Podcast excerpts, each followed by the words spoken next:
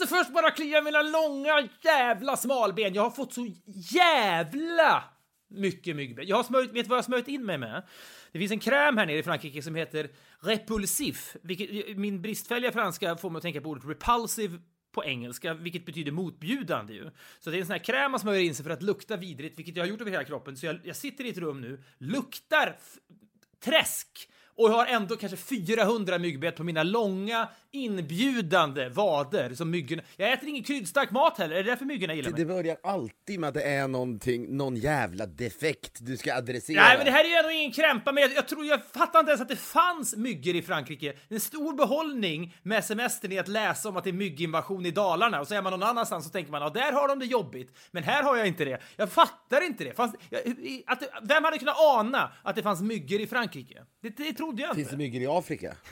ja, där, där är de väl jättefarliga. Ja, det, det känns väl lite halvrimligt att det även finns i, i Frankrike kanske. Jag har en jävla ja. bristning i min i vad som jag inte kan prata om tyvärr. Därför att jag känner att jag orkar inte heller bli en sån människa som du. Det är bara en av oss ska vara på det sättet. Ja. Så vi pratar, vi pratar inte om det. detta, vi säger istället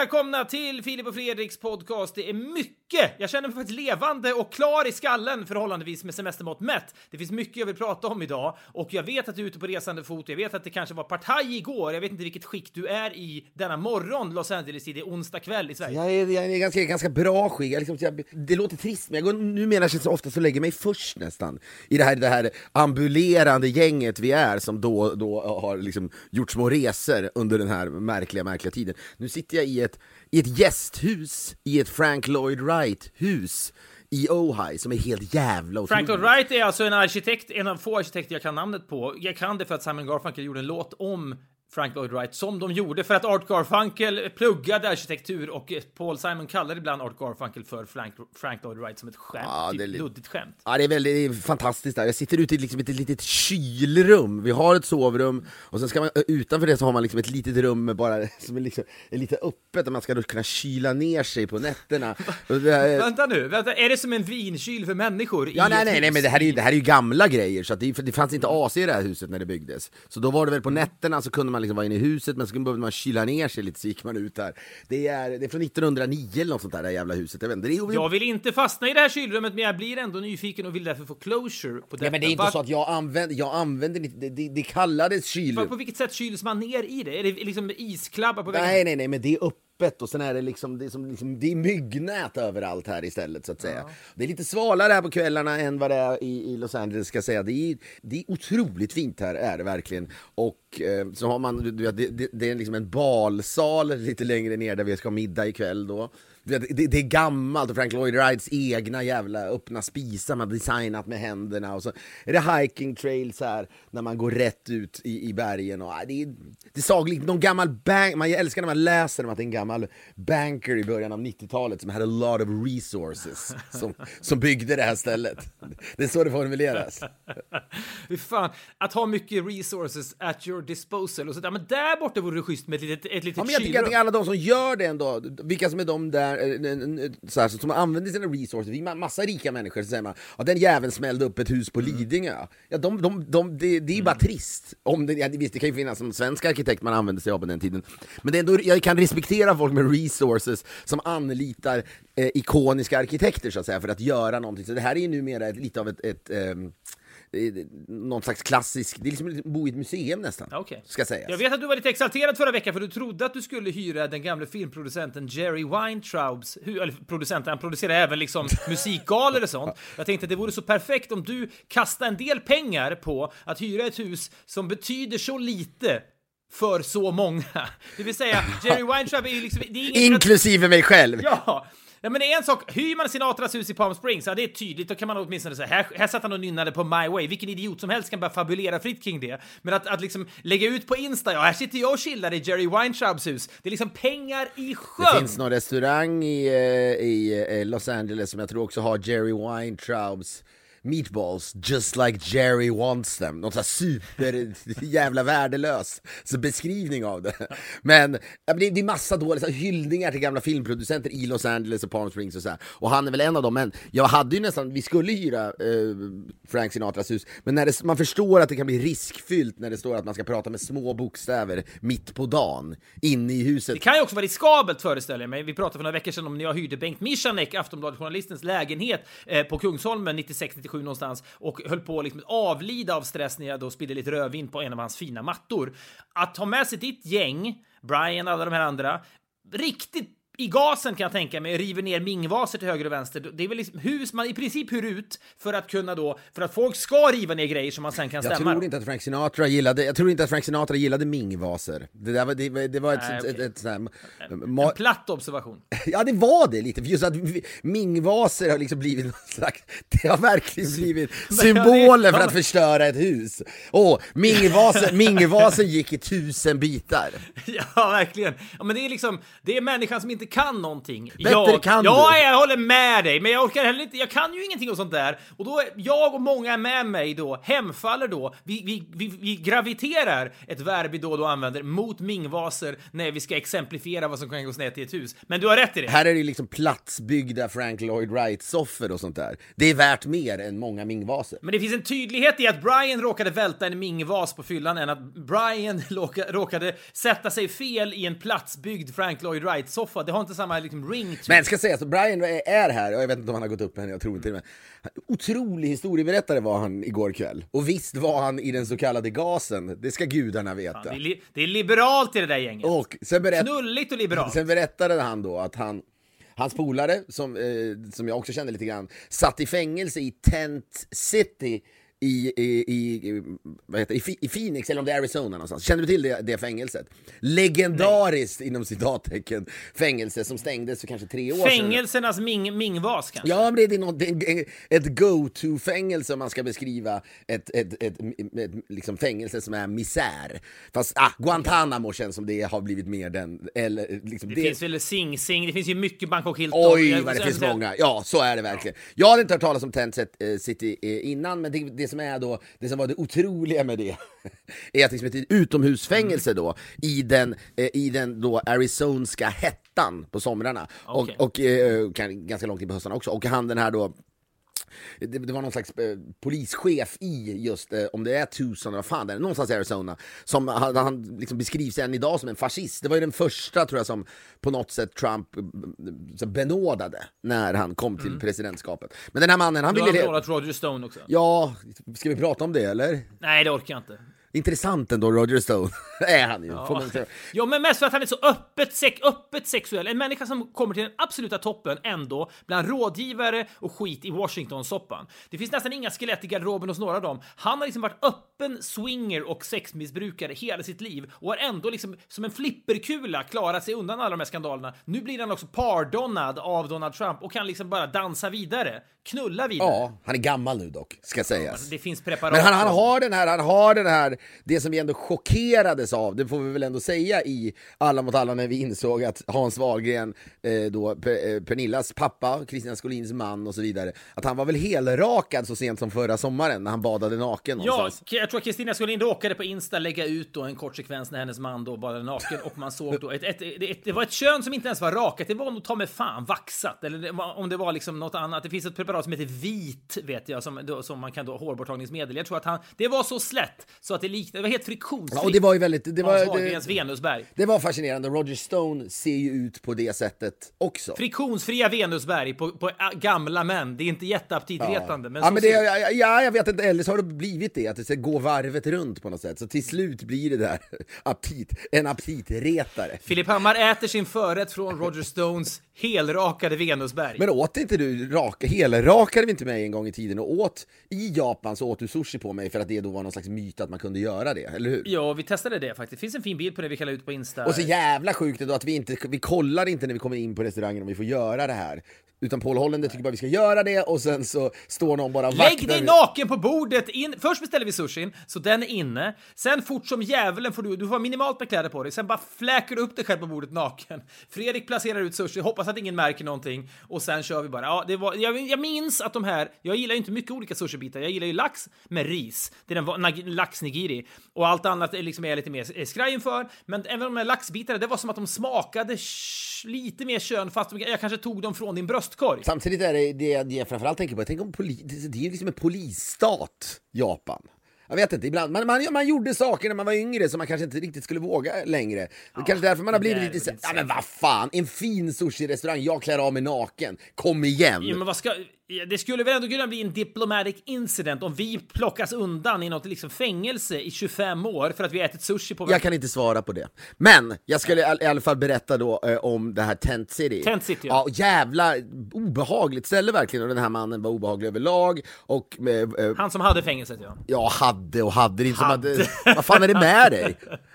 Nej, men vad fan! Han som var the, the warden. Ja, men han hade fängelset. Mingvaser och man har ett fängelse. Det är sommaren har verkligen slagit till. Ja, men jag har mycket att berätta. Ja, jo, men i alla fall då så, så eh, ska vår kompis som eh, åkte in där då, jag känner honom också. Brians kompis har suttit inne i Tent City helt Ja, jag känner honom Ge honom också. ett namn nu. Hitta på ett namn till honom. Han heter Mike. Han heter Mike. Ja. Ja, är det Mike som jag har träffat? Nej, han heter ju inte Mike såklart. Nej, okej, vad synd. Ja. Nej, han heter Marty.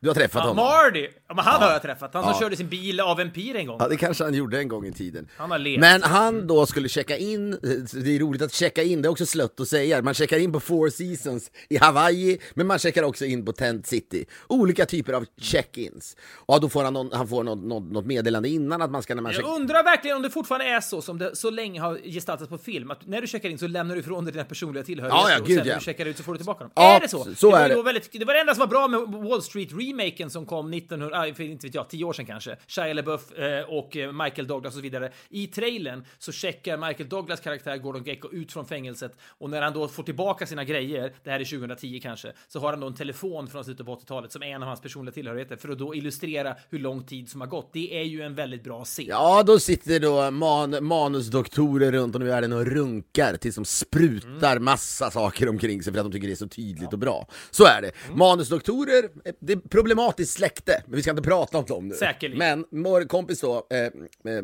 Marit ska checka in där, han är, det är en liksom storväxt cool, orädd människa. Men att komma till Tent City är ingenting att leka med. Han ska inte sitta där så länge. Utan de liksom, det var det som det var känt för också, att de bara blandade eh, folk. Vare sig du kanske hade gjort ett mord eller om du hade åkt dit för liksom rattfylla. Det var ju att skapa skräck. Gjort ett mord. Den verbala förmågan är inte bara dålig Nej, låg det är hos mig. sant, det är sant. Om Det- du har, har du gjort ett mord eller? Ja, då får du sitta i det rummet. Men, så Marty kommer... Vad hade han gjort Marty? Vad hade han gjort den här gången? Nej, jag Marty? det, det, vi var väl- jag tror att han hade åkt dit Rattfylla säkert. tre gånger och sen hade han åkt tillbaka till delstaten utan att aktivera sitt körkort igen. Skitsamma. Men han har suttit lite överallt tror jag den här mannen. Men så kommer han in och så hade han fått en lapp innan att du ska ta med dig då eh, pengar, alltså mynt Mm. till eh, the vending machines. Han ska ta med sig eh, eh, liksom ombyte. Något ombyte får man ta med sig. Han har en checklista på saker man ska ta med sig Ja, och in det är inte mycket. Det är en bok Nej. och sen är det då ett, ett, ett, ett hänglås. Så han kan, Mm. så you can lock your shit away, som Brian sa. Så han kommer dit och sen inser han, fan jag har bara nu jag glömt köpa ett, man, borde kanske haft ett, ett, ett, ett, ett sånt där hänglås med, med, med kod och inte med nyckel. För då måste jag gå runt med den här jävla Just nyckeln. det, Var lägger man nyckeln? Så han kommer dit, går in genom en dörr, går in genom en dörr till och så, så säger han, det sitter en kvinna, säger han så här, "Åh, ehm, är det okej att jag har det här eh, hänglåset med nyckel? Hon bara, Ja, ja, du gör precis som du vill. Okej, säger han. Och så vänder han sig om och så ska han gå. Då har han bara med sig, han har bara med sig det hänglåset. De andra grejerna ligger kvar i något väntrum. Så går han, ska, ska han vända sig om så är det båda dörrarna låsta direkt. Well, well, sir, once you pass through that gate you won't be able to go back uh, to that room again, säger de. Så för att han går in och ställer frågan om hänglåset så glömmer han sina Ja. personliga tillhörigheter som är viktiga för så, honom. Jag att, förstår. så Ja. det han har kvar då, så det han har kvar då är sina personliga, de kläderna han har på sig, ett par jeans och en t-shirt och ett hänglås med nyckel som han inte har någonting att låsa in i. Och inga, ja, och inga pengar heller. Ja, så går han ut i alla fall och som han beskriver det då enligt Brian, liksom, fullständigt skräckslagen när han kommer ut. På, Ja, kan, alltså så här, det, det man verkligen fantiserar om är ju de första stegen in på ett som är riktigt hardcore fängelse. Man förstår, nu är det läge att ha lite alfa-energi här så att inte folk omedelbart liksom drar slutsatser. Den där jäveln kan vi, kan vi liksom stampa på. Man, måste, man har det inte i sig, men man måste försöka utstråla någon slags pondus för att inte blir någon slags bitch där. Och han har ju egentligen, har ju alfapondus. Men han kom att berätta eh, lite senare för Brian att han under tio dagar inte öppnade munnen när han kom till fängelset. Han sa ingenting, han pratade inte med någon på tio Det dagar. kanske är klokt. Det kanske är ett tips till, till, till lyssnarna om ni hamnar i sån där Tent City eller annat fängelse. Säg ingenting. Så blir han i alla fall då tilldelad sitt tält. För det är ju det, det är massa olika. Men är det här någon slags, kommer du ihåg den här Fire Festival-dokumentären om den här, liksom, ja, men om det här fiaskot, massa influencers skulle åka dit och så skulle de bo i tält på en strand och då, är det, liksom, det är liksom lite premium-tält ändå. Det, jag antar att det kan liksom inte vara tält man sopar upp från fjällräven här. Hur, hur ser det ut? Det är alltså ute i öknen, ett stort staket antar jag, runt, en mur runt alltihopa. Och så är det då helt enkelt tält man sover i. Ja, på något jävla sätt. Ja. det finns nog bilder på det här, eh, för det är vä- väldigt om, omdebatterat. Men han går, eh, går in och så och liksom står det öppningen till tält. Där sitter någon, eh, som han sa, det är ett, ett gäng eh, mexikaner kanske, som han sa, som sitter och verkar känna varandra. De har bandanas på sig. Han står där och ska då säga, ursäkta, jag ska också sova här. Man kan ju förstå, de spelar kort, som ur, eh, enligt Brian då. Ja, det är en, kli, en klyscha onekligen. Men man kan förstå paranoian, skräcken, allt man känner när man ska säga hallå, här ska jag sova. Ja, ma- man skulle kunna bli lite självmedveten i den situationen. Så han säger inte ens det, han ställer sig bara i öppningen och då tittar en av killarna upp på honom. Wow, what's going on? 90210? Tycker jag är så otroligt bra. För det är då alltså, det är Beverly Hills postnummer. Och, Ja, det är det ju. Och serien givetvis Ja, då. och Och de Marty tycker som- att han ser ut som en jävla Ja, Hollywood... det gör han ju inte för fem jävla öre. Fikus i ja, deras och det gör han ju inte för fem jävla öre. Nej. Han, är, han överlever i det här fängelset i, i en lång period och han snackar inte med någon, lever sitt eget liv. Det som var en av grejerna med Tent City då, eh, som var också, som gjorde att det betraktades som tortyr och sånt där, var att det blev ganska ofta under somrarna någon slags sandstorm. Mm. Och då fick ju alla panik där inne och plötsligt så, så hör han att något är på gång, han fattar inte vad som ska hända. Och alla de här andra killarna i, i hans tält och börjar sätta liksom eh, sina t-shirts över ansiktet och sådär liksom för att skydda sig innan det sker. Marty, ja, till slut gör han det också så han skyddar sig lite grann. Och det, du vet, det blåser något så inåt helvete och hela, det- alla ligger där och panikskriker. Jag kan, inte, jag, jag kan inte riktigt förstå hur jobbigt det är, men jag antar att det var jobbigt. Men jag kan, bara, jag kan ändå tänka mig att en sandstorm inte är kul. Nej, Om, vill du vara med om en sandstorm eller vill du helst slippa det? Då skulle man helst slippa Och det som händer efteråt då, det är att det börjar sen eh, regna som djävulen. Så att hans, hans och de här killarnas tält bara, det liksom kollapsar över dem. Så han ligger där och, och du vet, han, liksom har, sanden har blivit våt och han bara gör allt för att kunna chippa efter andan enligt Brian. Och så, så till slut liksom lyckas han krypa ut ur tältet och tänkte, åh, jag överlevde. Och så a- a- lakanen är helt du vet, bruna och blöta, så han, han tar dem, liksom, tänker nu måste jag väl ha nya lakan. då, går han, då går han runt där livrädd och eh, går bort till en vakt som står där och så säger han eh, Excuse me, eh, eh do you know where I can get eh, new sheets? då säger han You get new sheets if you know where you can get new sheets. Bra! Jag läste eh, häromdagen bara någon artikel om när Coca-Cola skulle lansera New Coke för att nu ska vi då spöa Pepsi och så hade de då någon slags liksom annorlunda smak på det. Folk blev galna, vansinniga, ingen köpte det här alls. De var tvungna då att, att liksom eh, slänga ner New Coke och lansera då vanliga Coke, helt vanliga Coca-Cola, men de kallade det för Coke Classic eller Classic Coke vad det nu var. Och efteråt då så frågade de vdn, var allt det här bara en PR-kupp? Var det bara ett sätt för konsumenterna att förstå hur mycket de egentligen älskar denna nationalklenod som som är Coca-Cola, denna dryck. Var det, var, det, var det det ni var ute efter hela tiden med detta? Och då sa han bara en kort replik som, på, som jag kommer att tänka på nu när du sa det där. Då sa han Well, we're not that dumb and we're not that smart. Vilket jag tycker är så jävla bra. Det finns en enkelhet. Det är en lätt lätthet i formuleringen. Ibland tänker jag att svagheten med att podda och att ägna oss åt den typen av free-flowing samtal som du och jag gör, jag tror att det är bra på ett sätt. Vi vet inte vad, jag vet inte vad du kommer att säga, du vet inte vad jag kommer att säga. Jag hörde någon intervju med någon som har pluggat skådespeleri hos någon Stanislavski eller någonting som sa att om man är intresserad Ja, av det det, man gör som skådespelare, om man är intresserad av det man gör i scenen, om man håller på att skruva upp en bänk eller vad man gör, då, då blir man intressant att titta på. Och då tänkte jag att i bästa fall när du och jag poddar, jag är ju intresserad av vad du berättar, för jag vet inte vad fan du kommer att säga. Jag vet ju ingenting av vad du kommer att säga och vice versa. Så på så sätt, är man intresserad av det man gör, då kan man också vara intressant att observera för andra eller att lyssna på som i en podcast. Men avigsidan med detta då, att, att jag inte vet vad jag kommer att säga om fem sekunder och du, jag inte vet vad du kommer att säga om en sekund, det är ju att man inte kläcker ur sig den här typen av bevingade ord så ofta som om man sätter sig ner och filar lite grann. Nej men det där var, den där, det var det, ja, precis, men den där, den där vakten i Tent City hade ju inte filat så att säga, han var ju bara, han var, Nej! han var ju jävligt ja, han är ju bara en begåvning. Jag tror att det till och med var You get new sheets if you know how to get new sheets, kanske sägningen var. Mardys memoarer skulle ju kunna heta ja, det. verkligen, inte så säljigt. Nej, men det är gåtfullt och spännande. Ja.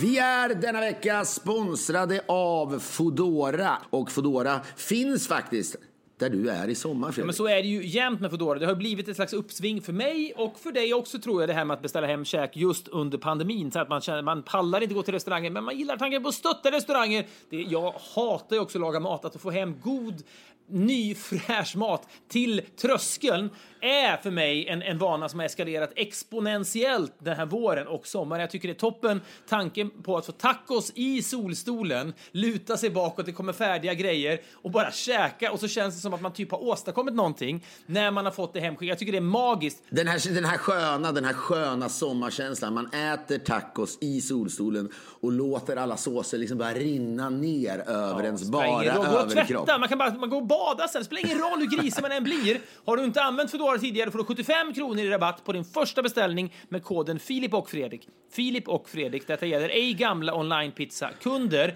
Denna kod är giltig till och med 6 augusti 2020. Det är ju ett kanonerbjudande. Utnyttja det redan ikväll eller i helgen. Vi säger stort tack till Foodora. Vi är denna vecka sponsrade av NetOnNet. När du behöver någon hemelektronik till lagerpris, ja då ska du tänka på NetOnNet. Det är ju snabbt det här och det är enkelt och det är alltid till lagerpris. Jag gillar ju det här väldigt, väldigt mycket. Jag har ju då en, en uppåtgående kurva. Det, det här året har jag handlat om kurvor. Min kurva som går uppåt handlar ju då väldigt mycket om hemelektronik och beställning på nätet. Jag tycker att det här är jävligt smidigt. Jag har återupptagit en del av mitt tv-spelande också. Det finns ju väldigt mycket sånt på NetOnNet givetvis. Även andra saker givetvis. Ja, och det handlar om fri frakt också. Eller till och med expressfrakt. Du kan få din vara då, vad det nu må vara, inom fyra timmar. Beställ klockan 12 exempelvis och hämta det här mindre paketet då i din instabox klockan 15. Om det är möjligt ska sägas från din adress. Eller så kan du få den då eh, hemlevererad. Den här eh, da, eh, vadå, datorspelet eller kanske en, en tv. Det kan man få hemlevererat redan samma kväll då till sin dörr. Eller om du vill hämta dina prylar direkt, då åker du till någon av deras 27 lagershoppar. Gå in på netonnet.se, browsa runt där, förälska er i alla möjligheter som finns. Vi säger stort tack till NetOnNet. Men alltså, sitter man här eh, kvällen igår och folk dricker och det är ett jävla tryck måste jag säga, på ett härligt sätt. Sommar, sommartryck och människor eh, som har befunnit sig i Kalifornien, så här, när man liksom är i, i, en, eh, i, en, i en privat sfär och i en privat, på en privat eh, tomt, liksom, i ett hus, då känner man inte av det här jävla viruset. Annars är det ju, ligger det ju som en jävla våt filt över, över Los Angeles, Kalifornien hela tiden. Man glömmer liksom bort att vi är fria, känns det som, på något jävla sätt. Men det, och här pratas det, det blir liksom, det pratas ju alltid om Trump här. Det är så. Jag, jag, jag, det, det är jävligt trist eh, i, i förlängningen naturligtvis. Det känns som att vad skönt det kommer bli om man förlorar nu, för då kommer folk liksom börja prata om något annat på riktigt. Det, det, det, det, är här, jag, är, jag är trött på det här och så kopplas allt tillsammans. Du vet hur dåliga han har hanterat eh, pandemin och du vet så här, ja, well. En av våra kompisar här var tidigare tillsammans med Ivanka Trump då, som är Jaha, hans den dotter. blonda dottern. Ja, det är kanske hans enda dotter också. Ja. Ja, precis. Ja. ja, men och då sa den, den personen och han sa att eh, the worst thing with Ivanka, sa han, är att, att hon så här, she knows better than this. She just went for the power. She knows that her dad is crazy. Ja, han menar att hon är ganska trevlig, smart tjej, men när, när makten började liksom, när hon började se det där torna upp sig, så kastade hon alla sina jävla ideal åt sidan. Och då sa han att det bästa med det här nu är att hon kommer straffas för det, som han sa. För att det, hon, det enda de, den familjen har slagits för i hela sitt liv i New York är liksom att få bjudas in i de fina cirklarna. Så att, att vara en del av New York-aristokratin. Och alla de dörrarna är nu stängda, som han sa. Allt hon har jobbat för i hela livet, där kommer hon aldrig få igen. Jag Alltså, ska det- kanske det- inte ifrågasätta det här, men det är ändå det är någonting som amerikaner älskar, det är ju en second act. Det vill säga, de, de tycker om, ja, det där var den gamla den personen, nu finns det en ny den personen. Det, det finns ett, en sägning från, jag tror det är Scott Fitzgerald som sa på 20-talet, there are no second acts in American lives. Det kanske var sant då, men jag tror inte det är sant längre. Jag tror verkligen att folk skulle älska att så här, få förlåta och, nu, och, och bli kuriösa, då blir de kuriösa och spännande, de här människorna. Tänk, för fyra år sedan var hon i Vita huset och höll på med liksom sin pappa och sådär. Nu håller de på med den här välgörenhetsgrejen. Hon har verkligen turned her life around. Hans skit har ju skvätt över på hela familjen så att säga. Det, det kan vi väl säga. Ja, det är klart. Men, och då berättar han att hon, är, hon har en ganska solid konstsamling då i sin lägenhet på Upper East Side någonstans. Och bland annat har hon då en Richard Prince-målning.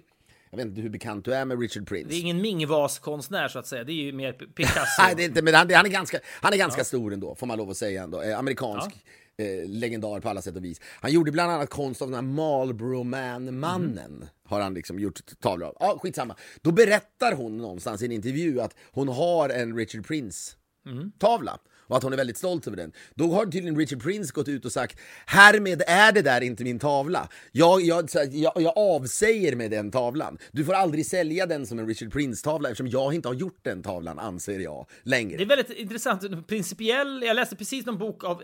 Jag vet inte hur, hur kuriös man kan bli i, i sitt läsande under sommaren, men jag läste då en bok. Nu är jag långt ner i högen av vad som är rimligt att läsa, men en bok av Hollywoodproducenten Irvin Winkler som ingen har hört talas om. Det är som Jerry Weintraub egentligen. Han har jag också läst en bok om. Jag gillar ju sånt där, men han berättade att han producerade filmen Raging Bull som Martin Scorsese regisserade. Eh, De Niro gick upp 40 kilo för att spela liksom Jake LaMotta som gammal boxare och så vidare. Skitsamma! Då, är det en, då har de jobbat med den här filmen i tre år. De är helt utmattade. De har en enda scen kvar att få färdig ljudbearbetningen på och det är en, en, en väldigt liten karaktär i filmen beställer whiskyn Curry Sark som för övrigt var Harry Shines favoritwhisky också, inne på någon bar. Det är bara... Ja, ja, ja, skitsamma! skitsamma. Som för övrigt, ja ja visst. Det är en perifer, det är en scen som inte betyder någonting. Och då säger Scorsese, klockan är liksom två på natten, de måste skicka filmen till labbet nu! Det är för, du vet, allt, allt står still, vi måste skicka den här nu. Och han säger, jag tycker inte jag hör riktigt att den här skådisen säger just orden Caddy Sark. Men det är bara för att du har suttit här inne nu i fyra veckor oavbrutet, hög på cola och liksom helt förstörd och fried i hjärnan. Vi måste skicka den här filmen nu, det spelar ingen roll. Man hör att han säger Caddy Sark, det spelar spelar heller ingen roll om den här birollsfiguren, vad, vad han beställer för whisky Man ser att han beställer någonting i baren. Och då säger, reser sig Scorsese upp. Ja, i så fall så är det här inte en Scorsese-film. Då, säger, då tar jag mitt namn ifrån den och så stormar han ut ur rummet. Får de sitta i två minuter till, fila till det här jävla Caddy Sark-sägningen. Men det är liknande drastisk sägning. Det är här, jag har ingenting med det här att göra längre. Ja men jag undrar, jag tycker det är nästan fascinerande av i, I fallet Scorsese så blir det liksom lite svårare att säga det är ingen Scorsese-film om den nu eh, eh till slut når biograferna. Men en, är det, funkar det där tro att Richard Prince säger det där är inte en sån tavla så Bukowskis kan inte sälja min Richard Prince. av-" Problemet med, med konst är ju alltid att den där, på samma sätt som Steve Wynn, då den här liksom, ho- hotellägaren i Las Vegas, han ramlar väl igenom någon jävla tavla som var skitig från början, satte armbågen i den och då blir den sen ännu dyrare. Ja, det var en Picasso, Picasso-tavla, precis. Och då blir det verket ännu intressantare. För verket i sig som redan hade en story, Picasso har målat en fin tavla. Oj! Symboliken i att en stennyrik hotellägare i Vegas ramlar igenom den, det skapar ett skimmer och ett lager till till hela berättelsen om tavlan. Den blev dubbelt så dyr genast. Det kunde inte Steve Wynn förutspått när han fick panik med armbågen rakt igenom en tavla. Men är det inte samma sak här? Den här tavlan blir ju ännu intressantare nu för att han har tagit sitt namn ifrån den. Jag,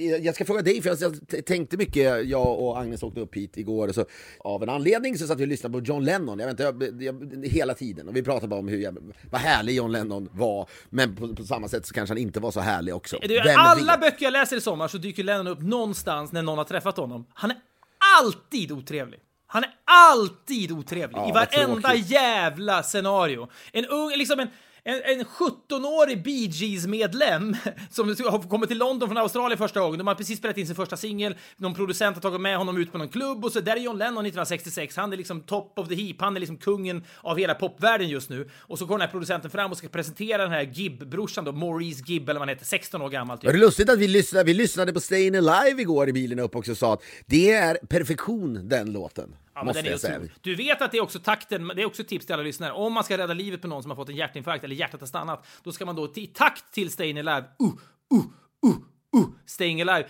Ska man trycka på bröstkorgen? Man ska inte sjunga Staying Alive för det kan bli lite o, det kan kännas lite olämpligt. Det kan kännas lite meta Eh, kanske. Men, ja, men den här. Morris Gibb och säger hej John Lennon, vad kul att träffa dig. Ja, det förstår jag att du tycker, säger Lennon och bara går iväg. Så, det är bara sådana historier om honom. Men ja, det är förfärligt. Jo, jo, jag vet, jag vet. Och, men samtidigt, bara det, bara det är ju roligt också. Att han säger Eric det. Clapton, eh, i en annan bok jag läser, och hans jävla memoarer, han, han drar med sig en gammal kärring som han träffar på gatan. Han, han ska vara förband till Beatles, och Beatles är jättestora. Och den här gamla tanten säger, ska du spela förband för Beatles? Ja, det ska jag faktiskt. Vadå, kan man få träffa Beatles då? Ja, jag kan ta med dig in. Och hon är kanske 70 år gammal, amerikansk kvinna. Och så får han in henne mirakulöst nog då, i omklädning, i logen innan. Och så går han fram tänker, det här är kul, kommer Lennon att gilla en 70-årig tant som vill fram och säga hej. Och då säger, säger Eric Clapton, det här är liksom eh, Margaret, hon är 70 år gammal från USA, hon tycker det är kul att få träffa dig. Då demonstrativt så gäspar bara John Lennon henne i ansiktet och går därifrån. Det, det tar aldrig slut. Ja, men då, för då såg jag eh, eh, en dokumentär som heter John Lennon vs the US. Du har säkert sett den, kan jag tänka mig. Han vill få visum och bo i USA. Ja men den är så jävla, den är liksom bi- billig Talking Head-dokumentär, men det är jävligt stora namn med den.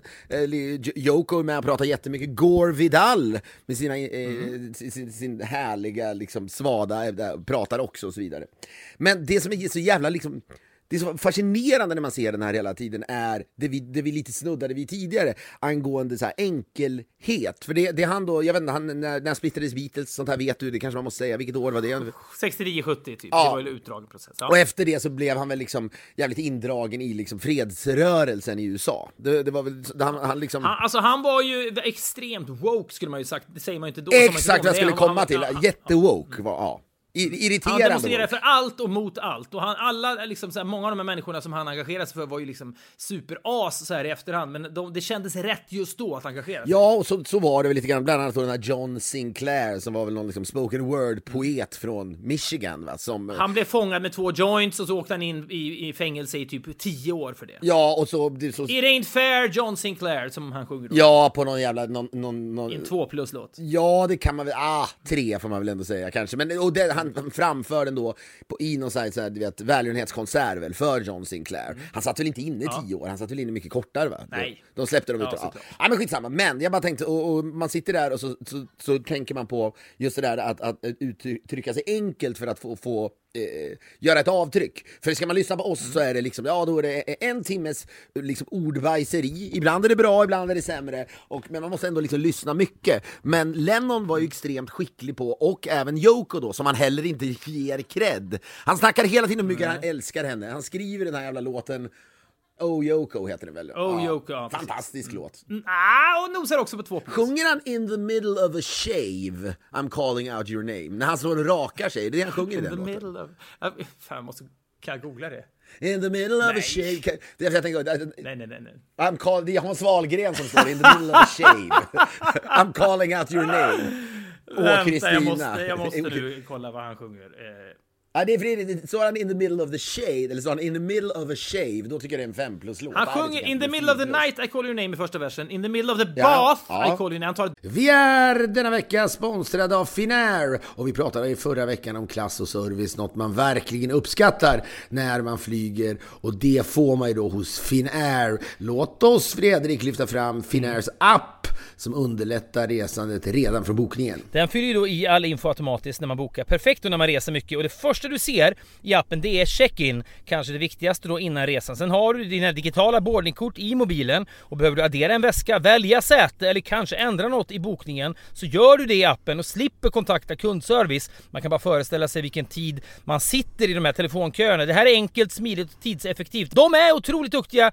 på att hela tiden förbättra upplevelsen under resan. Vi säger därför stort tack till Finnair! Vi är denna vecka sponsrade av Blocket och låt oss, kan verka lite dystopiskt men tycker ändå det funkar, prata om dödsbädden. Vi kommer ju alla ligga där en dag och reflektera över våra liv och vi kommer då ångra många saker. Eh, bland annat att vi inte köpte den där drömbilen som fanns i våra tankar under så många år. Ja, men kanske den där opraktiska sportbilen då som var en dröm från barnsben. Sen blir man vuxen med barn och så får man inte köpa en sån där bil. Men man skulle fan bara ha gjort det så att man inte ångrar det när man ligger där då. För på Blocket finns då bilar för alla med Sveriges största utbud av bilar till salu från privatpersoner som såväl bilhandlare. Gå in på blocket.se slash bilar och köp drömbilen på Blocket. Vänta inte så kan man då bocka av den på dödsbädden i alla fall. Det tackar vi Blocket för. Vi är denna vecka sponsrade av DPJ Workspace. Eh, det är ju din partner då för kontorsmöbler och inredning sedan 1995. Köper du en stol eller ett bord eller vad det nu kan vara i år, 2024 alltså, så har du garanti till och med 2034. Vilket innebär, Fredrik, hur många års garanti då? Det är 10 års garanti, det är ett decennium. Kan man säga något annat än att de vet att det är hög kvalitet på sina grejer? De har otroligt mycket snygga och bra produkter. Allt ifrån snygga designstolar till belysning och loungemöbler. Alltså ett komplett utbud, helt enkelt med riktigt schyssta grejer. De ska hålla länge, det ska vara snyggt och det ska funka bra för alla typer av behov som finns. Och har man funnits sedan 1995 som DPJ har gjort så kan man sannoliken sin grej. Gå in på dpj.se och läs mer. Vi säger stort tack till DPJ Workspace.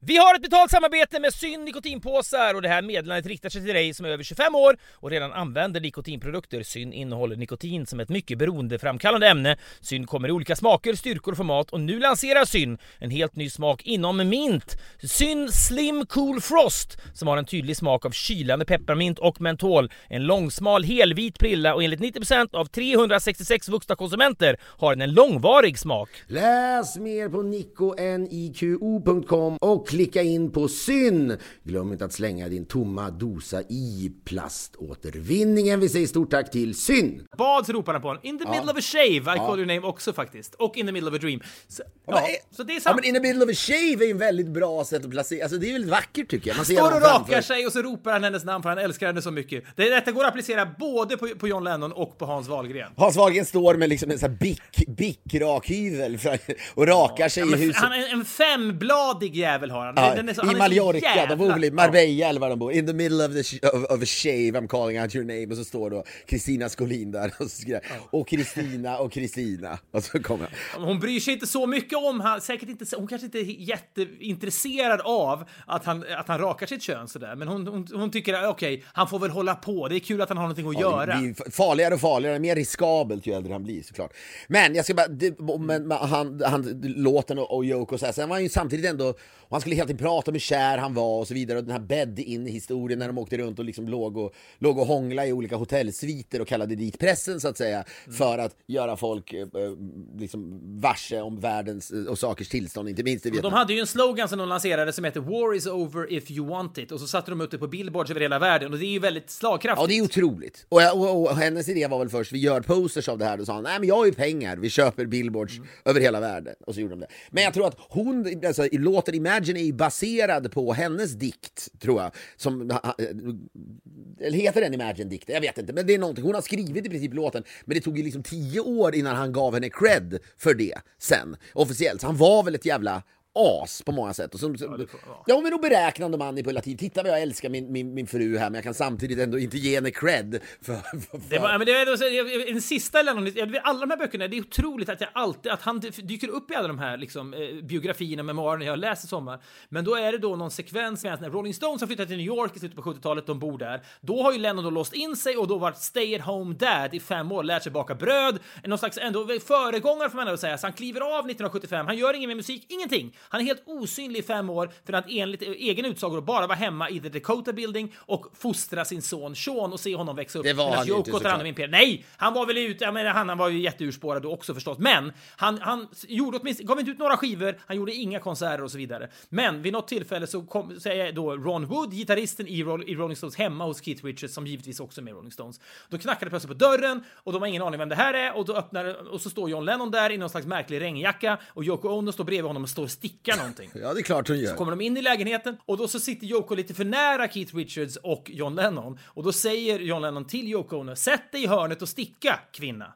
Och då gör hon det, är lydigt och sätter sig och sen vänder sig då John Lennon med, med liksom lystna ögon mot Keith Richards och så bara slår han ihop händerna och gnuggar händerna. Så! Vilka droger är det som gäller idag? Och då ler bara Keith Richards mot honom och säger heroin. Ja, men då kör vi! Och så blir det liksom ett par dygn på heroin innan John Lennon då konvulserade och svimmade på golvet för han tog Men det, han, det, det, när han säger det där åt eh, Yoko, då är det en del av något rollspel, antar jag. Eller? Kanske, ja. Det, måste det finns en woke, det finns en woke infallsvinkel på det där, så att hon köpte allt det där, antar jag. Ah, han var ju också ett as. Men jag skulle bara säga just det där om, bara för att cirkla tillbaka till det där med, med enkelheten. För när han bara säger “War is over if you want it” eller “Give peace a chance” det var det måste jag säga, mm. beundrar honom. Det är någon kvinna i den här jävla dokumentären som står och skriker på honom för att hon tycker att han är liksom vem har du blivit? Du var Banal, ju så smart och så vidare. Ja, jag har sett den. Ja, är, ja, precis. Jag har sett den. Han blir ju galen på. Det är jättebråk ju. En klassisk scen som är med i många dokumentärer. Ja, men den är så jävla, jävla bra. Men det är någonting med den här kvinnan. Hon, hon sitter där och tycker... Men,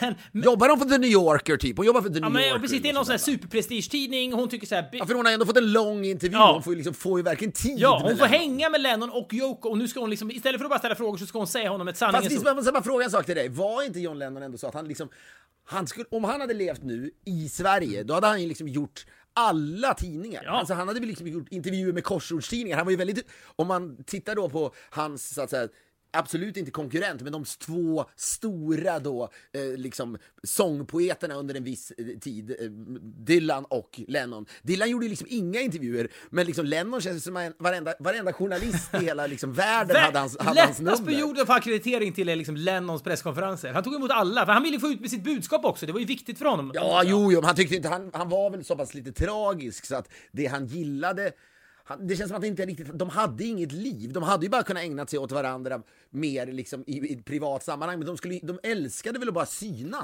Ja, och de ville få ut det där budskapet. Men det, det, är någonting med när den här kvinnan då, i den här, hon, det här klippet är med i massa olika dokumentärer, för det är ett sånt ikoniskt klipp då. Lennon är ute då, för, för, berättar för världen, war is over if you want it. Och det köper inte den här kvinnan. Och då ska hon liksom klappa honom på huvudet och säga, men snälla John, när ni kom då, då, då var ni något nytt, det var det kul när ni kom med musiken och alltihopa. Och nu, vad håller du på med nu? Du gör bort dig! Du gör bort dig! Det, det, du, du tror att du kan förändra världen. Du gör bort dig. Det är precis som, slår det mig nu, när, när, ja men det går inte att jämföra i övrigt, men när vi gjorde Ursäkta röran på TV4 och ett av, av, av en av sketcherna gick ut på att du skulle gå upp till Mikael Bindefeld och säga att eh, Hänt i veckan har kommit ut med sin tidning nu och det här prenumerationstalongen, de här lösa lapparna som ligger med i tidningarna. Då har de, om någon jävel har skickat med av misstag nu, en photoshopad bild på dig när du har ett praktstånd. Då har han liksom lagt in Mikael Bindefelds huvud Ja, jag visade, jag var ju uppe på hans, jag var uppe på hans kontor, klev bara in där. Ja, skulle lura och, honom att det här har skett. Någonting, vad, vad är din kommentar till det? Det var ju liksom supergrov bild. Alltså, ja. photoshopat var ju så jävla jätte stånd, ja, verkligen. Ja, och det var, det var ju då... Han blev överrumplad kan man väl säga att han blev. Han blev väl ja. överrumplad? Ja, men och han, han förstod ju ingenting. Och, och då, men hans då, jag såg ju det här råmaterialet sen. Jag vet inte ens om det där sändes eller inte, men då, hans inställning var precis samma, förutom att du inte var John Lennon. Men så här, men Filip, du gör bort dig! Du gör bort dig nu! Du, du hade ju någonting en gång i tiden och din motsvarighet till att skriva I wanna hold your hand var typ att intervjua honom för Aftonbladet fyra år tidigare. Det tyckte han var liksom din I wanna hold your hand. Bli utskälld under intervjun för att jag inte kände, kände till Truman Capote. Okej, okay, ja men det, Capote det gör du nu. Ja, nej men det visst, det var, jag, jag, kom dit och visade upp den här bilden och han verkligen, du var ju på väg någonstans. Ja visst, det är härligt, jag trodde inte att du skulle jämföra mig med John Lennon, eller mi, mi, min karriär med John Lennons karriär. Men kanske är det rimligare än vad jag, vad jag någonsin hade hade tänkt mig. men man känner hela tiden i dokumentären, ja det är nog ingen trevlig man, men jag satt ändå och tänkte jävlar vad han utnyttjar sitt kändisskap på ett bra sätt! Ja, ja, ja verkligen. Han förlorar jättemycket pengar på det och han förlorar jättemycket så här. Han gav ut massa bananas. Han gav ut en skiva som bara bestod av ultraljudet på, på barnet han och Yoko väntade som det sen blev missfall. De var med i en bilolycka, barnet dog, men det ultraljudet hade de kvar då, hjärtslaget från den då döda bebisen. Medan bebisen fortfarande levde så, så gjorde de en, en bandning av det hjärtslaget. Det ljudet gav de sen ut på singel. till Richard Branson? Richard Branson släppte ja, det, va? på Virgin Records. Ja, men det är, det är ändå, det är, det är ändå cutting fan edge. Alla de han, vill, han, folk ville ju bara att han skulle spela in liksom glada I wanna hold your hand-låtar och så nej, men jag ska ge ut en singel med ett dött fosters hjärtljud. Varsågoda. Och en sista grej, också otroligt! När han, han fick ju då, alla i Beatles fick ju då sån här, det här har du hört tidigare tror jag, men de fick ju då en, en sån här medalj för att de hade sålt så mycket skivor och betytt så mycket för brittiska imperiet. Då får man något som heter Member of the British Empire, en medalj. De åker till slottet 1965, höga på gräs, vet, röker på inne på slottet, får de här medaljerna, sitter och fnissar lite grann. Fyra år senare så har ju Lennon blivit en annan. Han är ju mycket mer anti-establishment då. Då skickar han tillbaka den här eh, medaljen för att England har engagerat sig i något krig i Biafra. Jag vet inte historien där, men han lämnar tillbaka. Han skickar ett brev med medaljen som han skickar tillbaka och han skriver “Jag skickar tillbaka medaljen i protest mot Englands inblandning i Biafra och för att min singel Cold Turkey rasar på listorna. Det är också kul att blanda de två tankarna. Det illustrerar ju allt. Folk, vanligtvis har man en tanke i huvudet. Det där är två helt parallella ja, men Han hade ju någon slags Tourettes. Han, var, han hade ett behov av att förstöra sin karriär hela tiden. Och jag satt ändå så, så satt ja. ändå, fan vad imponerad jag är. Ett sista inspel bara apropå Give Peace a Chance, så är det också bra när högerjournalisten PJ O'Rourke, den amerikanska högerjournalisten då, ger ut boken Give War a Chance. Han tycker då att krig är bra. Ja, men det är också slagkraftigt. Det är ändå en bra det titel. Jävligt... Det är slagkraftigt. Ja, det... Give war a chance. Jag, bara, ska jag tycka det är lika coolt att göra det som ja, Give nästan peace. snäppet bättre. det, den tanken behöver också tänkas. Nej, men så, så bara sitter man och tittar på det där och tänker fan vad modig han är som just slår sönder sin karriär och när man är på Lennons nivå. Det är ju liksom Exakt. ingen halvkändis utan han är då... Ja, men det är ingen Malmö-komiker utan det är liksom John Lennon som är på den översta piedestalen. I alla fall den här syrliga journalisten då som skäller ut honom Mm. Och han liksom försvarar sig med, jag vill inte sjunga Hard Day's Night resten av mitt liv. Nej. Vilket man ju fattar. Och, men han, han är rå förbannad där. Fall. Det ska man komma ihåg, något... det, är då, det är då ändå bara fem år sedan han har skrivit A Hard Day's Night. Det gick ju så fort också. Alltså ingen har ju accelererat så fort. Det, han ser ut som en helt annan person och han, han är en helt annan person. Från A Hard Day's Night till Cold Turkey som handlar om hur han skulle lägga av med heroin och så vidare. Det, är fyra, fem år däremellan. Men det är liksom, det är två livstider. Och han var ju, så att säga, han, att de två, hon, det var ju så mycket kvinnohat naturligtvis också mot Yoko. Och rasism, herregud, för att hon var från Japan och så vidare. Han, liksom, han provocerar ju hela tiden i alla fall. Och då säger han bara till den här kvinnan ändå, när hon ändå så säger till honom och bara liksom avfärdar honom som en... Alla tyckte väl att han var hög jämt också, att han var liksom knarkande idiot, att de två var bara liksom, hade tappat det. Då säger han ju ändå någonting. Ja, eh, har, du, har du hört Give Peace a Chance? Ehm, mm. Jag, jag, skrev den, jag tycker den har gjort ganska bra avtryck ändå. Då hade liksom en miljon människor väl stått och sjungit den i Washington eh, DC någonstans under ett möte. På någon liksom. demonstration, ja precis. Ja, men jag menar, det där är nästan beviset av enkelheten ändå. Han bara ville bara hamra in ett ord och det är peace. Mm. Och han utnyttjade sitt kändisskap. Han var vidrig mot tanter som ville träffa honom. Han var vidrig mot Bee Gees med Demma säkert. Men som han ändå använde sitt kändisskap till att få liksom, uppmärksamma någonting. Man kan tycka, åh, uppmärksamma fred. Det, det, alla vill väl ha fred.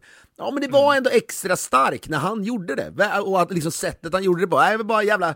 Jag var Lennon-kär och nu blev jag lite ledsen när du direkt skulle dra upp vilket Nej, men vet du vad? Det är precis samma sak. Egentligen så är det väl samma sak. På samma sätt som att han lämnar tillbaka medaljen för att protestera mot Englands inblandning i Biafra och för att Cold Turkey rasar på listorna. Det är de, den dualismen gör, gör honom till ett geni i det ögonblicket och jag antar att det är aset. Man behöver ju inte vara ett as för att vara ett geni förstås, men nej, så där. Ja, men det var så var konstigt. Det. Vi, när vi åkte igår så hade jag sett den här och så sa fan, vi måste lyssna på Lennon hela vägen nu. Och trots du har att sett så... dokumentären ja, ja, med ja, den ligger på, den ligger, jag vet inte, den finns väl någonstans. Den, den är, som ja. sagt, det är inget mästerverk alls, men det är ju scener i den som man golvas av och man bara förälskar sig i det här jävla geniet han ändå var. Hon också ett jävla geni. Man är så lycklig att de träffar träffa varandra, eller hur? Mm, verkligen. Ja, men det är, det är, är det århundradets kärlekshistoria? Tveklöst. Ja, får jag bara säga apropå Lennons förmåga då, och vissa typer av konstnärers förmåga att uttrycka sig koncist så finns det ju också faktiskt låtar som är mer som poddar då egentligen om vi ställer de två liksom konstformerna mot varandra. Lennons Give Peace a Chance koncishet mot poddarnas svammel som du och jag ägnar oss åt. Så finns det ju även låtar som går mer åt poddhållet. Jag lyssnade på en dokumentär. Jag visste inte att det fanns P2 dokumentär, men det finns det tydligen då. Och då är det en, en dokumentär om låten Vintersaga, eller en Vintersaga vad den nu heter, som en... en vad heter Inspelad av Py Bäckman va, tror jag? Eller vem var det som gjorde den? Nej, Monica Törnell. Skriven av en man som heter Ted Strömtorp. Nej, det var inte eh, Py Bäckman, utan det var Monica Törnell som gjorde den, som, som fick en hit med den 1984. Den är så jävla bra att vi tycker vi avslutar podden med den låten idag. Men det som var härligt i den här dokumentären var Detta är glädjande nyheter tycker jag. Jag har väntat länge på detta. Jag vet att du också har gjort det. En, en värdig svensk arvtagare till sångaren Shane McGowans skratt. Vi har ju pratat Du får, om nog honom- berätta lite, mer- du får nog berätta lite mer om John Shane McGowans skratt. Shane. McGowan är inte heller lätt att leva med, säkert oberäknelig att umgås med också på många sätt då. Irländare, sångare i bandet The Pogues och med Nej, vet du vad? Jag tror, jag tror att han är, han är väl så jävla, liksom, han är väl så jävla beräknelig. Han var väl alltid bara dyngrak? Jo, men jag kan tänka mig att han på, på, på, i, den här, i det här dyngraka tillståndet ibland fick infall som var svåra då att hantera kanske för hans omgivning. Jag vet inte, han har ju druckit otroligt mycket. Men de senaste kanske 15 åren när The Pogues och han inte haft så många hits längre så har han mest varit känd för att han har ett skratt som somliga då har liknat vid ett gammalt modem som kopplar upp sig. Vi kan lyssna kort på Shane McGowans skratt här.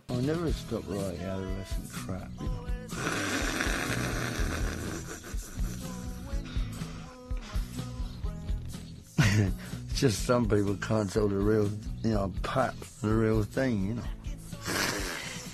Du och jag har varit besatta av det här skrattet. Det är ju väldigt härligt, för det är härligt att få med tiden ett skratt som antyder att man har levt. Shane McGowan hade ju inte det där skrattet, skrattet när han var 22. Det är ett skratt man får som man liksom förtjänar efter ett liv i sus och dus, ju, eller hur? Ja, onekligen, ja.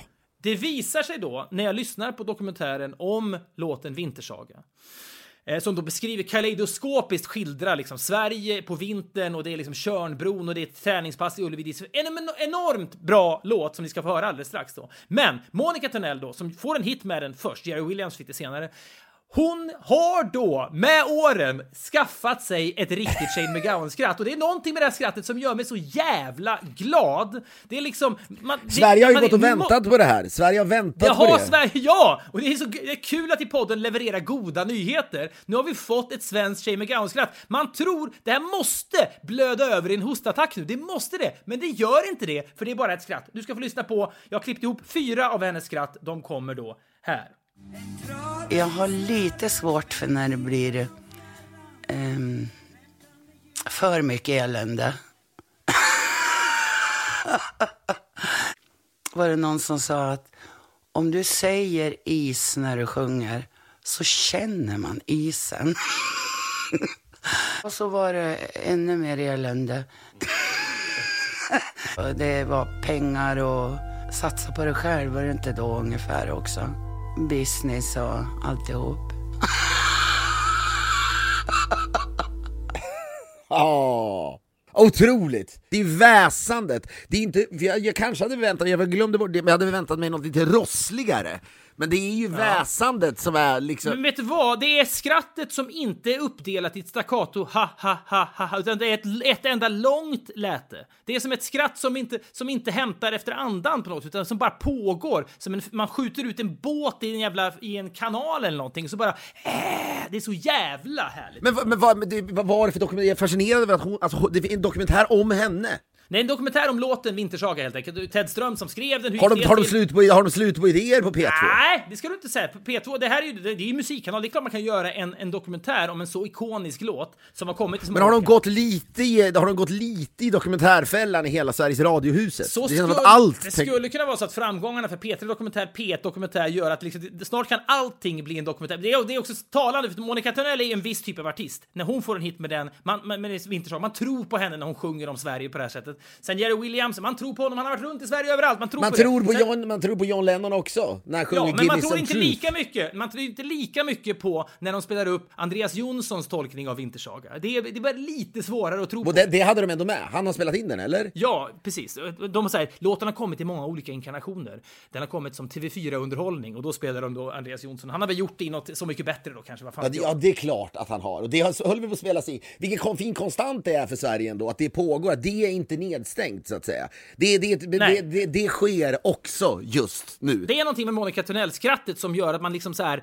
Jag antar att man... Det är ett belevat skratt. Ja, men det, ett är, det är ett skratt man inte kan få om man inte har rökt 45 000 cigaretter. Men man vill, man vill ändå ha det. Ja men problemet är, eller det är problemet, det är, sanningen är ju att eh, för att man ska uppskatta skrattet så måste det ju ha föregåtts av sus och dus. Så är det, för att om det hade Ja. varit liksom orienteraren Jörgen Mårtensson som hade det skrattet, och man vet att det inte finns något sus och dus, ja men då är det ju inte, då är det inte kul. Alltså ett, ett skratt, Nej.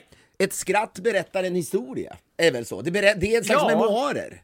Det är någonstans... Alla skratt, ja men alla skratt berättar ju inte historier, men det är liksom som ett fingeravtryck. Liksom. Det är som en snöflinga på ett sätt. Det, det är liksom unika gestaltningar av vem personen är. Och du har helt rätt i det. Monica Törnell har nog levt på rätt bra, tror jag. Hon har väl talat om sitt... Hon har väl all, druckit för mycket och så vidare. Har hon talat ut om, tror jag.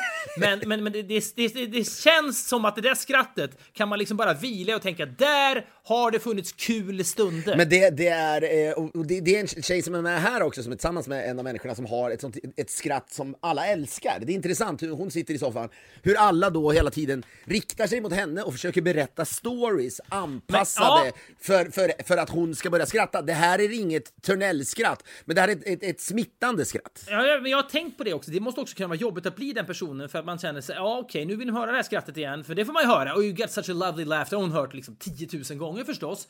Och då, först, då förstår ju hon, ja okej, nu försöker de få mig att skratta igen.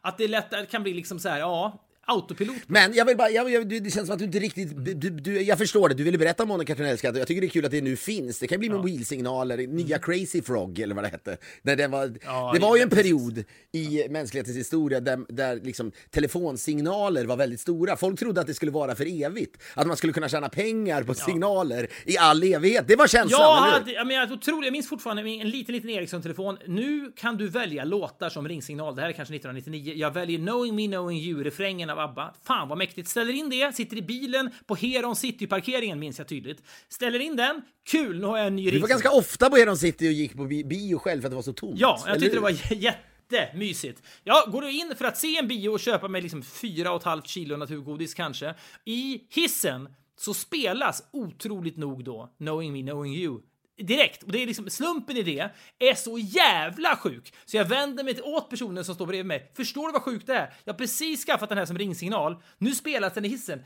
Det är inte möjligt att detta händer. Och sen plötsligt slutar låten spelas i hissen plötsligt. Och han säger jag tror att det var din telefon som ringde. Då hade jag redan glömt bort att det var min ringsignal. Så det var så jävla existentiellt svindlande ögonblick. Det kändes som att jag föll fritt. Hur kunde jag inte förstå? Det är, som Brian, det är som Brian tog in mig på, i, på en toalett här igår i ett av de här husen. Det förvånar mig inte. Nej, men han, det, det låter eh, smutsigare än vad det var. Men han, skulle, han tog in mig där för att, att, att jag skulle lyssna på hur fläkten inne då i toaletten ackompanjerade musiken på hans mobil så perfekt. Som att de, var, de var, hade blivit en orkester. Fan, ja, han, är, han har en sensibilitet i att upptäcka saker som verkligen inte är någonting, men om man går all in och verkligen bejakar möjligheten att det kan vara någonting, då är man ju med om någonting man inte vanligtvis är med om. Men någon gång ska han få intervjuas i den här podden. Jag vet inte om han gör sig i en podd. Du, du är väldigt nära med honom också. Men han är en av världens roligaste människor, t- tror jag, skulle jag vilja påstå. Men, men när han gör sånt där, det är svårt att återberätta komiken i det. Och ibland blir ju vår podcast då väldigt mycket av ett samtal mellan två kompisar, för du kan ju verkligen föreställa dig vad, vad, vad som sker. Men jag vill bara, det känns som att du inte riktigt vet. Håller du inte med om att John Lennon och Yoko Ono ändå är århundradets kärlekshistoria? Jo! Det är viktigt för mig, Ja, jag förstår som. det att du är inne i den. Du är inne i skov nu, eller vad det heter. Men, Nej men jag tycker, nej men vet du vad jag tycker, man pratar om varför de, låt oss prata om John Lennon, det är väl okej, Mm. vi behöver inte ha dåligt självförtroende. Nej men jag menar, på ett, här har vi pratat om att han gjorde ett avtryck som, då, som liksom politisk vilde, Mm. och att när han blev tillsammans med henne så blev, var det kvinnohat, hon blev hatad, och de, vissa menade att det var hon som splittrade Beatles, det stämmer ju inte överhuvudtaget, naturligtvis. Men det är också någonting att folk gillar inte att se folk som är sådär kä- det är sådär, De var ju för konstiga. Mm. Alltså folk vill folk säger jag har hellre en trist relation än är, är sådär kär. Ja, Förstår du vad jag men menar? det är någonting man vill, man vill väl, på samma sätt, man vill aldrig höra människor berätta om sina lyckade bostadsaffärer. Man vill aldrig höra människor berätta om sina drömmar förstås. Man vill heller aldrig se människor som är för kära. Det, det, det, ingen ingen ville se nej, det! jag vet, men det är- Och grejen är att människor som är kära Ja, fast fattar i deras inte fall, det. jag skulle ändå säga de var ju... Ingen vill se det. Ja men de var ju ändå... Det kan jag hålla med om, men i det här fallet var det någonting att det fick folk att inte vilja bli kära, därför att det verkade så crazy. kanske. Ja, det är Förstår du? Alltså, här- de, var ju inte, de var inte det här paret på festen. Nej, som sitter och hånglar på en fest och t- titta. Och, eller vet, ännu värre, människor som skryter om sitt sexliv. Det, det ska vi inte ens... Dit Nej men det är, så, det är så här sny, ja, men det här snygga lyckade paret som bara hånglar. Nej, fy- nej. Det här var ju någonting, det här var ju någonting, jag vet inte, det perfekta amerikanska ordet var ju att deras kärlek någonstans är disturbing. Ja, verkligen. Ja, men de, de kallar till en presskonferens där de sitter inne i varsin vit tygsäck. Vi lanserar nu uttrycket bagism, för om man sitter inne i en säck då kan man bli vem man vill. Ingen kan se vem man är och så vidare. Genialiskt! Jo, men vi, vi Genialiskt. som är på presskonferensen vet ju att ni är ni inne i säckarna. Det är därför vi är här också, så det är, inte, det är liksom inte... Jo, men fortfarande jävligt Ja, det är bra. en kul... Dissa inte Lennon! Nej, det är, det, Dissa är, det är jätteuppiggande, men du har rätt i det. När man såg deras märkliga, disturbing kärlek så kände man, jag orkar aldrig mer bli kär. Jag orkar inte. Ja men om man, om, man, om man ser, ja inte ens det, jag tänker människor som har lite trista relationer och sådär och du vet, det är tystnad, kärlek i tystnadens tid Ja. så att säga. Det enda folk, de, de vill inte prata med varandra, man liksom sitter och är på si- varsitt håll i huset och så vidare. Många tänkte att jag har det mycket bättre än dem. Ja, men det kanske var, det kanske var motsatsen. Jag kommer när filmen Shakespeare in Love kom så var det väldigt många människor som, som då, par gick och såg den här romantiska komedin och så var kärleken så stark och vacker i Shakespeare in Love att det blev ett fenomen att par var tvungna att gå i terapi för att när de kom ut från biografen och sneglade mot sin partner så insåg de helvete vad tråkigt jag har det. Men det här Ja, kanske var denna motsatsen till jävla det. Notting Hill-film. Ja. Kommer du ihåg Notting Hill som, som hela vår bekantskapskrets? Det var, jag tror du och jag aldrig har känt oss mer isolerade och ensamma. Du och jag, var, vi blev liksom John och Yoko som satt i ett hörn Muttrade. och kunde inte fatta varför alla, men liksom, alla tyckte det var så vackert. Alla blev sugna på att bli kära igen. Ja, eller hur? ja, Folk köpte ja, men det där. alla blir ju sugna att bli kära i och ihop med en superkändis. Som det ändå är Ja, och med, i Julia Roberts så, men, men, men just det där, känslan var väl ändå, åh vad sugen jag är på att bli, bli kär igen. Mm. V- v- man kan träffa vem som helst. Jag som en jättevanlig människa kan få en superkändis och så vidare. Ja, det händer ju inte så ofta Mm. Nej. och filmen i överlag var jävligt ytlig och på många sätt helt värdelös. Det är den mest, liksom, jag vet inte, det är den mest överskattade filmen i världshistorien nästan. Det vet du att det är Love actually. Ja men det är samma jävla man bakom dem också, den är Richard Curtis som nu har gått ut, Ja, gått visst. ut i tidningarna och sagt att sk- beskatta mig högre, jag har alldeles för mycket pengar. Fan vad kul. ja men det är... Fan vad kul att han Jo jag vet. Beskatta mig högre, give war ja, men det är också jävligt självgott. Ja men i alla fall, men det, folk blir så här, åh, nu blir jag sugen på att bli, bli liksom Ja, exakt. Det finns många olika reaktioner. Notting Hill-reaktionen är jag är sugen på att bli kär. Eh, Shakespeare Love-reaktionen är fan vad trist förhållande jag har. Jag måste nog kanske göra slut för att det här... Så här och John och. Yoko är herregud jag vill absolut inte bli kär. Den här stentrista relationen jag har är det bästa som har hänt mig. Jag, liksom, jag hellre har en relation där jag inte knullar på tio år, där vi bara går runt och liksom är bittra mot varandra, än att vara John och jag. Så är det, så på så sätt är det ju...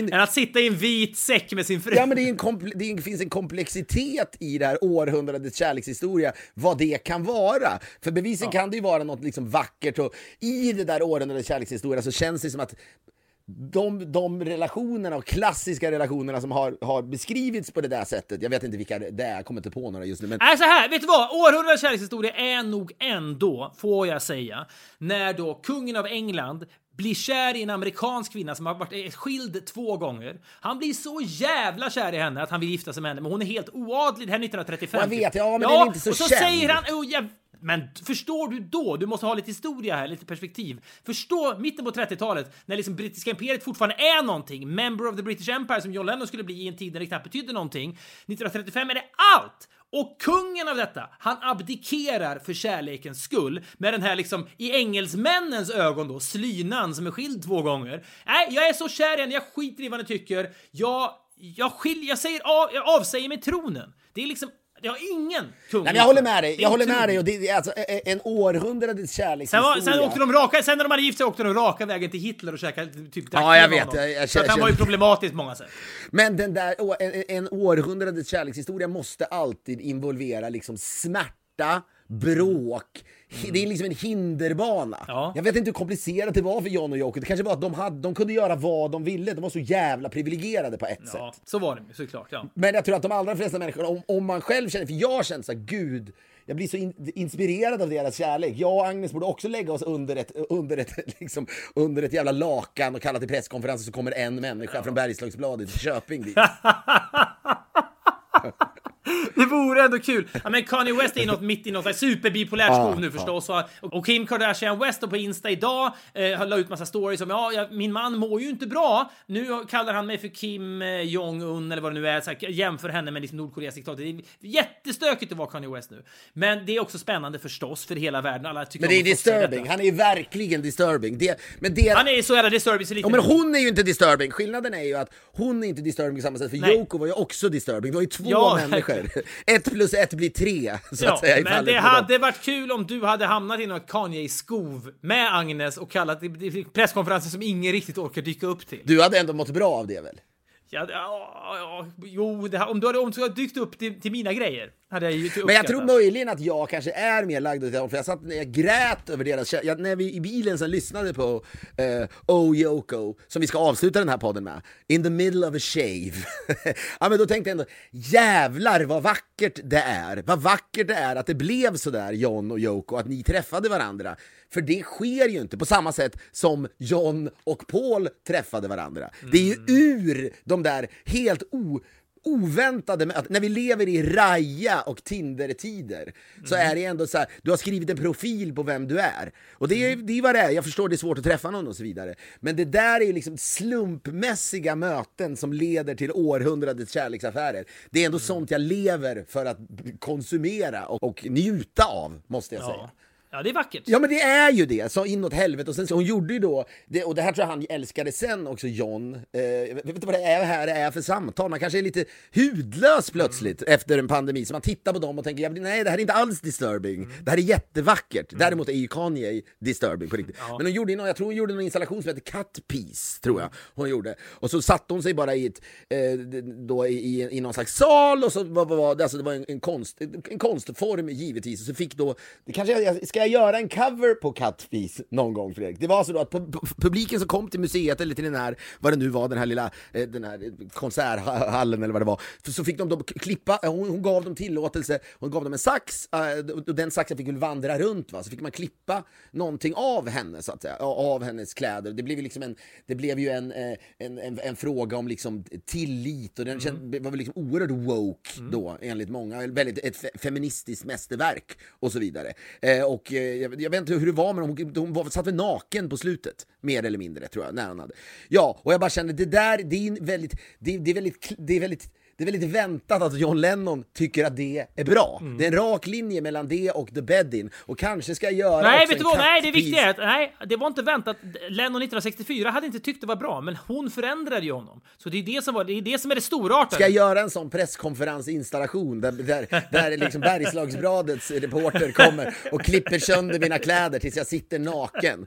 Där jag sitter naken och ser ut som Hans Wahlgren. Minus, minus vaxningen så att säga.